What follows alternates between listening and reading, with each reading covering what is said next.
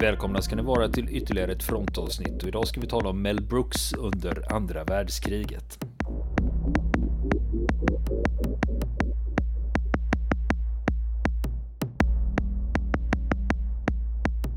Har du Niklas, Mel Brooks känner du till? Ja, gud ja, Mel Brooks, ja, det har man ju, det är många roliga filmer som man, man har sett med Mel Brooks genom åren. Uh, jag måste säga att, är det någon som säger, förknipp, vad förknippar du med Mel Brooks? Då blir mitt svar direkt, en viss scen ur Blazing Saddles. Alltså det är väl den som heter Det vårdas för sheriffen på svenska. Det vårdas för sheriffen, ja. Ja, ja. just det. Och det, den är ju från 70-talet och jag menar, för i min värld, prutthumor blir aldrig gammalt. Och den här lägerelden med cowboys, med cowboysar som sit, har, sitter och käkar bönor, den är helt obetalbar. Har du, kommer du ihåg den? Ja, ja absolut. Ja. Jag var inte så hemskt länge sedan jag såg den heller. Ja. Men det var eh, rolig, den roligaste scenen jag tycker där, det är när Mongo slår ner hästen. Ja, just det. det. Den är inte dum den. Han inte stå på en ko så parkerar den där. Så är, det, ja. så är det en gubbe på en häst som säger att där får du inte parkera din ko. Och så går han fram till den där gubben och bara slår ner hans häst. Ja, ja den är inte dum. Ja. Ja. Oh, gud, ja. ja. ja det, är... det, finns mycket. Vi ska berätta lite. Du vet Mel Brooks, han är ju 96 år nu. Mm. Just det. I eh, april mm. 2023. Ja. Det är en sån där som man inte riktigt tänker, det... liksom lever gubben fortfarande, men det gör han ju. Det gör han, ja. faktiskt. Segt virke där. Mm. Och jag ska dra storyn här om honom. Eh, Mel Brooks, han, heter, han föddes ju som Melvin Kaminsky i Brooklyn 1926. Och det var ju inte ovanligt med, om vi tittar på amerikanska komiker, man, väldigt många av dem är ju, har ju judisk bakgrund.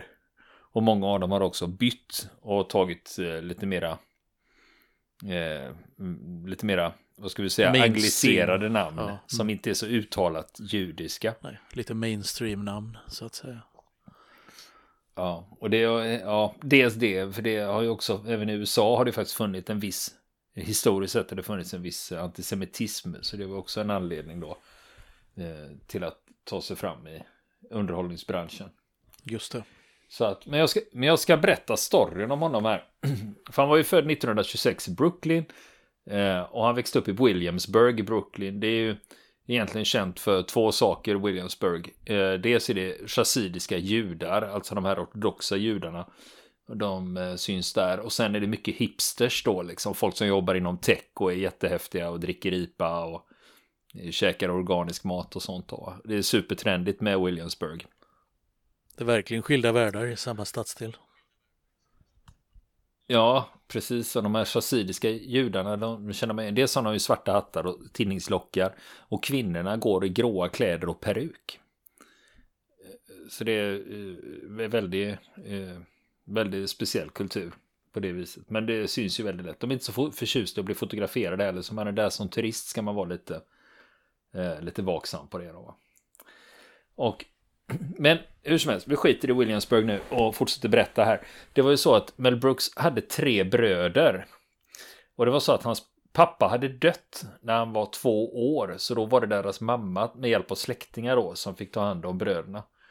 Och eh, Melvin Kaminsky som han hette på den tiden. Han hade tidigt intresse för underhållning och komedi. Men även musik. Han kunde nämligen, han hade lärt sig spela piano. Och sen som tonåring lärde han sig spela trummor av en annan Brooklynbo. Och den här trummisen, det är Buddy Rich. Och eh, nu är det så här att de som kan någonting om trummisar, nu spetsar de öronen för Buddy Rich, han anses framförallt då bland trummisar eh, som en av världens bästa trummisar. Borde jag veta vem det är alltså? Buddy Rich? Ja, ja nu, vet, nu är jag ju inte trummis. med hans namn på. Okej. Okay. Ja, ni hör ju att jag är ju ingen musiker. Så att... men jag får väl skämma, Nej, skämmas för det här när du förklarar vem man är kanske. Ja, ja. men eh, i och för sig eh, om man, eh, ja, är man intresserad av eh, trummeri och liksom topplistor så brukar han alltid finnas med på det där liksom. Vilka är världens bästa trummisar? Så finns han alltid med på topplistan då. Mm. Har han spelat i förband då eller? Nej, han var ju, jag för mig han var jazz, alltså det här är ju inte min forte överhuvudtaget, men jag för mig han var jazztrummis eller någonting. Okej. Eh, Så det är ingenting eh, som... eh, Ja, det är inte min eh, Det är ingenting jag lyssnar på. Jag kan inte säga, åh, har du hört den låten med Buddy Rich? Nej, det har jag inte. okej. det, det, har, det har jag inte. Men, eh, men hur som helst. Men det som är intressant är att eh, Melvin Kaminski har ju då lärt sig spela trummor, han har lärt sig spela piano då. Och från det han var 14 år så spelade han trummor i olika band. Och eh, drog faktiskt in lite stålar på det också. Och sen eh, när han var 16 då drog han mer åt comedy-hållet. Eh, men eh, han har alltid haft ett intresse av comedy och musik liksom och gärna i att det hänger ihop på ett eller annat sätt. Och nu ska vi dra lite amerikansk kulturhistoria här. Och nu pratar vi om en plats i New York State. Där är upp, alltså norr om New York. Det ligger något som heter Catskill Mountains. Och det är känt då för det har varit ett semesterparadis för framförallt judiska familjer i New York. Och på de, på, i Catskillsområdet där, det var mycket underhållning på hotellen och semesterbyarna där. Så många komiker och musiker började sina karriärer där. Så när man talar om judiska komiker från New York så har nästan alla startat sin karriär i Catskills.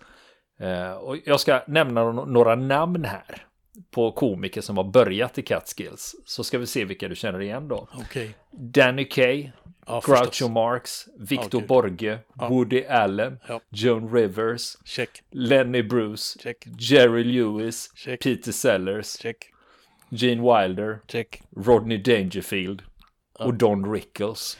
Åh gud. Eh, alltså, Jag tog alla Alltså, utom en. då fattar man. Kände jag till. ja, nej, men, nej, men de här Ja. namnen. Och det som är intressant är, Woody Allen var ju, höll ju faktiskt på med stand-up comedy innan han började med film. Ja. Så det finns mm. klipp att få tag på om man vill höra Woody Allen som komiker. Och han är inte dålig. Han är faktiskt riktigt bra ska jag säga. Mm, Nej, det, det, det kan man ju märka för han är ju väldigt snabb om man säger så. Snabb i repliken har han ju alltid varit i både intervjuer och andra sammanhang Ja. på scen. Nej, men det, det hänger också ihop med, det finns en judisk humortradition. Det är därifrån stand-upen kommer.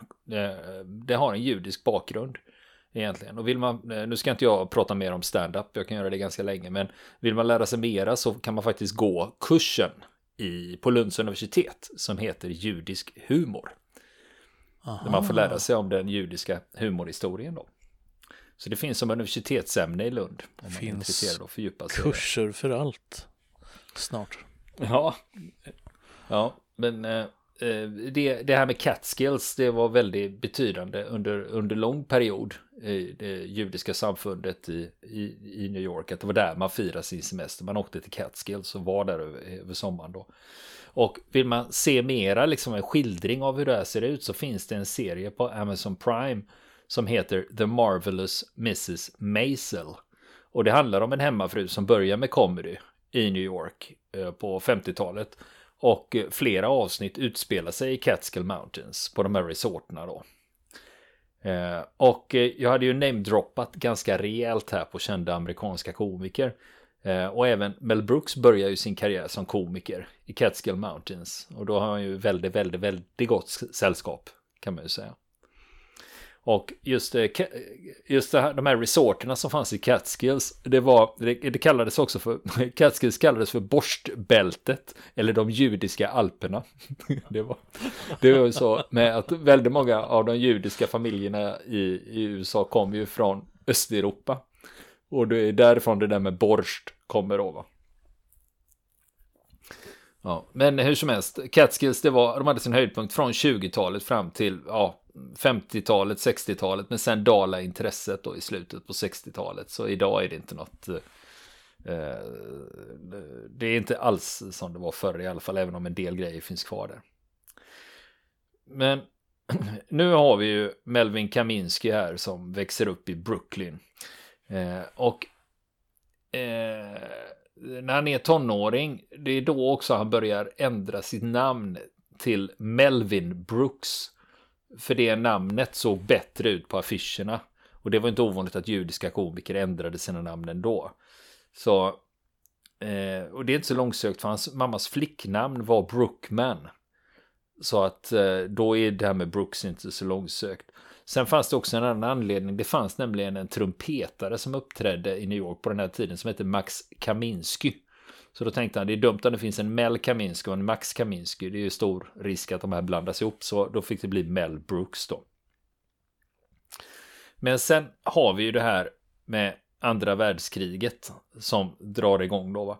Men eh, det påverkar ju även Brooklyn då.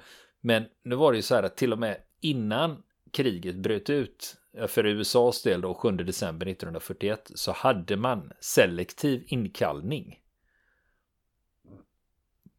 Eh, en som fick rycka in då det var Mel Brooks storebror Leonard. Och han var de, eh, en av de första 60 värnpliktiga som fick rycka in i slutet av 1940. Eh, och eh, efter, efter Pearl Harbor 41 och USAs efterföljande krigsförklaring då började Leonard sin flygutbildning i Texas. Och eh, sen hade han ytterligare en brorsa som hette Irving. Eh, och han kunde ha fått uppskov eftersom han fortfarande gick på college. Och så dessutom arbetade han för att försörja sin ensamstående mamma. Men han tog värvning i signaltrupperna. Och sen bror nummer tre, Bernard, han anslöt sig till armén strax, strax efter sin 20-årsdag i början av 43. Och kvar var Melvin ensam hemma med Kitty, deras mamma, änkan då. Och eh, eh Melvin, han var 17 år när han går sista året i high school. Och då är det i början av november 1943. Eh, när hans brorsa Leonard, som är mekaniker och midjeskytt på B17. Han deltog i en stor styrka av amerikanska tunga bombplan som skickades från Storbritannien över nordvästra Tyskland och Österrike.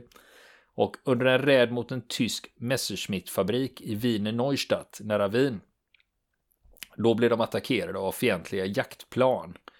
Och eh, Leonards kulspruta hakar upp sig. Och då är de på en höjd av 8000 meter och temperaturen är minus 35 grader. Så för att åtgärda kulsprutan så tar han av sig vantarna. Och det innebär att hans händer fryser till ganska omedelbart. Och med det visste han ju vad som händer om han tar av sig eh, vantarna i sådana temperaturer. Så hans fingrar svullnar upp till sin dubbla normala storlek. Och huden på hans händer fastnar på stålet på kulsprutan när han försöker åtgärda det här eldavbrottet. Men han fick igång eh, kulsprutan igen och kunde börja skjuta igen under det här anfallet. Men sen sex månader senare eh, när Lennart är och flyger bombuppdrag över Europa då är de över Österrike och eh, då blir deras plan nedskjutet. Och Leonard han rapporteras då som saknad i strid. Men sen dyker hans namn upp eh, som krigsfånge. Han hade överlevt och hamnat i krigsfångeläger. Och eh, eh, då var det så att de amerikanska soldaterna, de har ju dog tags. Och på dem så stod det också stämplat en bokstav för att visa vilken religion de hade. Och på judarna det stod det H för Hebrew. Uh, och Leonard han gjorde som många andra judar då att de slet av sig sina dogtags innan de togs till fånga för att tyskarna inte skulle veta att det var en jude då. För att då var de rädda för att bli avrättade eller torterade eller eh, bli skickade till koncentrationsläger. Och uh, Leonard överlever hur som helst hela kriget i, egenskap av krigsfånge då och vistas i ett tyst krigsfångeläger då. Och då blir det ju så här att eh, det här som händer i omvärlden då, eh, det påverkar Melvin Kaminski. Eh, och också det här med hans judiska identitet stärks i det här. Att det finns liksom en, en påtaglig fiende i form av Hitler och nazismen som vill utrota judar. Och det gör att hans beslutsamhet ökar och faktiskt, trots att han går sista året på high school, så tänker han gå med i armén. Eh, för hans brorsor är ju med. Och hans brorsa har ju då blivit nedskjuten och sitter i krigsfångeläger. Och det gör ju inte att han blir mindre motiverad. Och eh, eh som exempel här liksom att eh, för de hade alltid, deras familj hade en tät kontakt liksom med den judiska samfundet i New York där. Till exempel så var det en synagoga som hade sponsrat Mel Brooks tid på Camp Sussex. Det är alltså ett sommarläge nere i New Jersey. Och eh, vid deras port så hade de en mezuza hängande. Och det är alltså en judisk tradition att ha en mezuza. Det är alltså en pergamentrulle. Och det ska man ha hängande ovanför dörrposten. Eh, det var ingenting jag visste att det existerade. Det var något jag fick googla mig till faktiskt. Eh, men och sen också eh, hade de ju religiös tradition i familjen också. För Kittys mamma, alltså mormor där, Minnie hette hon. Hon var alltid där på sabbaten med näsduk över huvudet och tände ljusen och reciterade välsignelser. Eh, men de var ändå hyfsat sekulära så de var inte sådär superjudiska eh, när det gällde religionen då. Uh, och det var ju sådär att till exempel Kitty, deras mamma, hon kunde läsa på jiddisch till exempel. Så hon läste en, dag, en, en dagstidning som var skriven på jiddisch. Uh, och pojkarna de besökte knappt synagogan överhuvudtaget. Uh, Mel Brooks berättade att de gick dit ett litet tag och de var ungefär där 45 minuter. Eh, och eh, de var där liksom och höll god min. Och så lärde de sig tillräckligt mycket hebreiska för att kunna klara av en bar mitzva, alltså en judisk eh, konfirmation. Bar mitzva är ju för pojkar och sen är det bat mitzva då för flickor. Och det som händer när Melvin Kaminski anmäler sig då för tjänstgöring som frivillig, det är att först får han ju, han, i och med att han går på high school, han skulle ju kunna ducka det här va? Men det gjorde han inte. Han klev in då. Och eh, det första som sker då är att de får göra intelligenstest. Och det som är lite speciellt här är att han var inte duktig på high school. Va? Han var en ganska värdelös high school-elev. Men på det här intelligenstestet som man gör för armén, det gör att han snabbt slussas in på Army Specialized Training Program. Och det var ju avsett att utveckla de tekniska färdigheterna hos eh, yngre officerare och manskap. Så i början av maj 1944 då skickas han till Virginia Military Institute. Det ligger i Lexington, Virginia. Det är ungefär 60 mil öster om gränsen till West Virginia. Eh, och det gjorde också att Mel Brooks missar ju sin egen high school avslutning då. Eh, han kommer att tillbringa bland annat 6 juni 1944 och sin 18-årsdag 26 juni 1944 eh, på Virginia Military Institute. Och det är Virginia Military Institute, det är en militärhögskola. Det kallas ju också för Söderns West Point. Du har säkert någon anekdot att dra om den här skolan, eller? Ja, det, som du säger att det var ju en jätteviktig skola, speciellt under, eh, under amerikanska inbördeskriget. Före det där och eh, en av de främsta lärarna där, han, eh, det var ju Stonewall Jackson, som var en väldigt prillig figur, en av Söderns främsta generaler då som eh, blev, eh, blev eh, retad av studenterna och han betraktades som en allmänt excentrisk eller rent av konstig typ. Så hans namn är ju väl nära förknippat med Virginia Military Institute. Till exempel. Mm. Mm. Ja, ja visst. Eh, och eh, sen har vi de här utbildningarna. Det var ju väldigt många eh, amerikanska grabbar som fick tekniska utbildningar under eh, de här. Vi har ju nämnt flera exempel på det. Att man hade flera stora utbildningsprogram där soldater även sattes i college då. Och eh, om man kollar på Mel Brooks Wikipedia-sida. Eh, när, när det var, var det som är listat som hans alma mater. Alltså hans... Eh, eh, eh vad, säger man på svenska? Hans, ja, hans, hans universitet alltså. Eller lä, mm. Hans lärosäte, lärosäte kan man väl säga. Ja. ja. det anges som Virginia Military Institute, för det är den högsta utbildningen han har. Det är ju lite, lite udda om man är komiker, en karriär som komiker och har gått på VMI. Liksom. ja. ja, men så har vi ju det här med att vara motiverad och rycka in eh, som frivillig här. Eh, och han har själv sagt i en intervju att jag visste vad Hitler gjorde med judarna så jag kände verkligen att det här var ett riktigt och rättvist krig. Jag kunde ha sluppit det men jag ville bli soldat. En sak som också påverkade honom det var att han lyssnade på president Roosevelts tal i radion. För Roosevelt talar om kriget som civilisationens slagfält. Det påverkar honom. Och han säger också, Brooks säger också då att i flera år trodde jag att Roosevelt var jude. Jag skojar inte, jag menar nazisterna kallar honom judejävel, eller hur? Och jag älskar honom, jag såg honom som min far. Ja. ja. Mm. Och sen har vi ju det här med eh, VMI då, Virginia Military Institute. Eh, det var en av dussintals amerikanska högskolor som utbildade soldater. Eh, som utbildade soldater inom ramen för arméns specialiserade utbildningsprogram. Och det var ju sidan av de vanliga eleverna. Och eh, de här som tillhörde ASTP, de ryckte in, de var 348 stycken som kom dit i maj. Och då hade de sina arméuniformer medan de ordinarie kadetterna eh, kallades för råttor. För de var klädda i traditionellt eh, grå uniform. Och eh, ASTP-soldaterna de åt ransoner i matsalarna och genomgick 12 veckors klassrumsundervisning. Och då var det traditionella kadettövningar och färdigheter. Det var bland annat hur man fäktades och hur man red. det är ju så, det är, sånt man behöver. Precis. Det, det, här är ju, och, det, det här, och nu pågår alltså andra världskriget. ja, det gäller ju att prioritera. Men, men, ja, ja, men det är ju så här med traditionstyngda skolor, liksom. Vad ska en kadett lära sig, liksom? Då ingick det, liksom. Men de fick också lära sig civilteknik, elektroteknik och maskinteknik.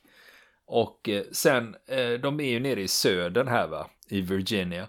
De blir även inbjudna på det som kallas för cotillions. Det är alltså traditionella dansbjudningar i södern. Då har man förkläde med sig och eh, sådana här southern bells. Du vet, sådana här, så du vet om du tänker de här filmerna man har sett som ska skildra södern ur ett väldigt romantiskt, tjusigt perspektiv. Att det är liksom, det är den, söderns nobless där nere då.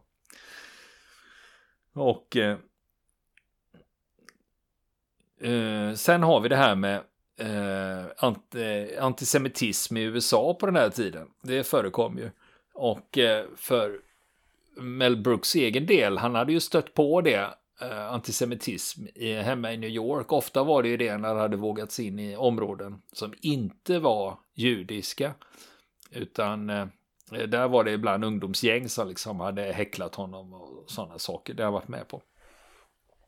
Men på VMI, då står han i matkön. Då är det en kille som säger där. Kom igen nu din smutsiga jude, rör på dig.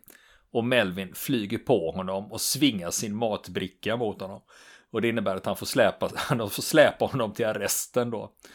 Eh, men sen kom det en löjtnant och undrade liksom vad fan är det som har hänt här då? Och då förklarar han vad som har hänt då och då bara ja okej. Ja, jag förstår. Det är gå bara. Så. Eh, och, men han kände, eh, Kaminski kände även kände en stolthet här, liksom att han faktiskt inte backade, vek ner sig, utan att han reagerade på den antisemitismen direkt, liksom. För han tycker, vad fan, det är ju det vi slåss mot. Eh, liksom, hur fan kan man yttra sådana saker i matkön här, liksom, där vi, vi tränar ju här för att vi ska spöa nazisterna. Och sen är vi framme vid första augusti 1944. Då har Kaminski klarat av 12 veckor lång grundutbildning. Men sen håller man på att avveckla ASTP här. Så han förflyttas till Fort Sill. Och det är en gammal militärinstallation. Det är som en, den är lika stor som en liten stad. Den ligger nära Lawton, Oklahoma. Och det här är alltså 85 mil sydväst om Oklahoma City. Så det är ju inte liksom centralt, eller vad man ska Nej, säga. Det är lite avsides. Ja, det är lite off. Men Fort Sill, det var högkvarter för officers och artilleriutbildning. Eh, och där eh, förberedde man nyrekryterade arméstyrkor för att stödja infanteriets framryckningar. Och det, då utbildade man eh, soldater som skulle strida i Europa och i Stilla havet också. Och det är där på Fort Sill som Kaminski får, får ut sin utrustning. Han får en ny frisyr, det är inte svårt att gissa vilken. Och så fick de vaccinationer. Och sen var det också åtta veckors grundläggande fysisk träning för att de skulle komma i form. Och sen fick han också åtta veckors utbildning i ingenjörstruppernas metoder. Hur de gör då. Och eh, det, det skulle ju förbereda dem för han visste vid det här laget att de skulle till Europa. Och eh, du nämnde ju inledningsvis att du gillade prutthumor. ja. Har du något att komma med? Ja, det finns faktiskt. Att det var när de var ute och marscherade där vid Fort Sill. Då, då sjöng de Beans, beans, the musical fruit. The more you eat, the more you toot. Alltså, okay. Bönor, bönor, den musikaliska frukten. Ju mer du äter, desto mer fiser du. Ja, finns det en, kanske en inspiration där till Blazing Saddles? Ja, och sen skrattar han åt uh, skyltarna på Fort Sill. För där stod det nämligen Field Artillery Replacement Training Center. Farts. och, och han, han, har berättat efteråt att fan, han sa att någonstans ska jag det. Det här måste jag någon gång använda mig av det här skämtet liksom. Men är det bara jag som tycker det här är asroligt? Är det bara jag som ser att det här är kul liksom? Varför är det ingen annan som reagerar? Ja. Men nu var det ju så att Kaminski han kom ju ifrån Han kom ju ifrån Brooklyn va? Och det gjorde att han Han tyckte att allting som var väster om Brooklyn Det var John Wayne land eh, Och det här med Virginia och Oklahoma Det var ju hans, vad han kallar de, sina, de första äventyren i fjärran länder. Så avlägset var det från Brooklyn. Eh, Men han hade också problem att eh, Eh, Eh, det här med att vara i Oklahoma och framförallt på Fort Sill. Det var ju så jävla, han tyckte ju själv att det var så jävla långt från civilisationen så att han blev ju nedstämd. Och han berättade att han kände sig som en fisk på torra land och nästan självmordsbenägen. Och eh, eh det var han och en annan kille som också kom från en större stad som uppträdde. De satte upp lite sketcher och föreställningar och sånt. Där de skämtade om skillnaderna mellan östkustens sofistikerade stadsmänniskor och de fattiga i hjärtat av landet. Men det fanns en liten ljusning där. Det var att eh, eh sydost om Fort Sill, 32 mil bort, där ligger Dallas. Och det är ju i alla fall en storstad. Och eh, dit åkte han så ofta han bara kunde. Och han tyckte att Dallas kändes som Brooklyn i, i väst. Varje helg försökte han åka dit. Och han säger att det var fantastiskt. Det var fortfarande främmande för mig. Det var fortfarande Texas. Men det var ett stort steg från Oklahoma när det gällde elegans och sofistikering. Så Dallas var viktigt för mig varje helg i fyra månader. Men sen började det bli dags att, flytta på sig. För det börjar ju hända grejer. De ska ju till Europa så småningom. Så i december 1944 då packar soldaterna från Fort Sill på ett tåg och man har mörklagt fönstren för att eh, minimera all övervakning från femte kolonnare. Och så åkte de österut till Fort Dix i New Jersey. Det ligger tydligen nära Trenton. Och eh, i väntan på att de fick order att de skulle skeppas iväg då kunde Melvin besöka sin mor och sina vänner i Brooklyn. Och när vi pratar december 44 det som sker i Europa då, bland annat kan jag väl tillägga, det är ju slaget om Ardennerna. Eh, och eh, ja, det drog man ju igång där i december, men det tappade ju fart sen då. Och nästa vecka fortsätter vi prata om Mel Brooks under andra världskriget. Vill ni komma i kontakt med oss så kan ni göra det via vår Facebook-sida som heter Fronten. Det är inga problem för er att leta er fram där. Eller också så mejlar ni på vår mejladress och det är frontenpodcast@gmail.com.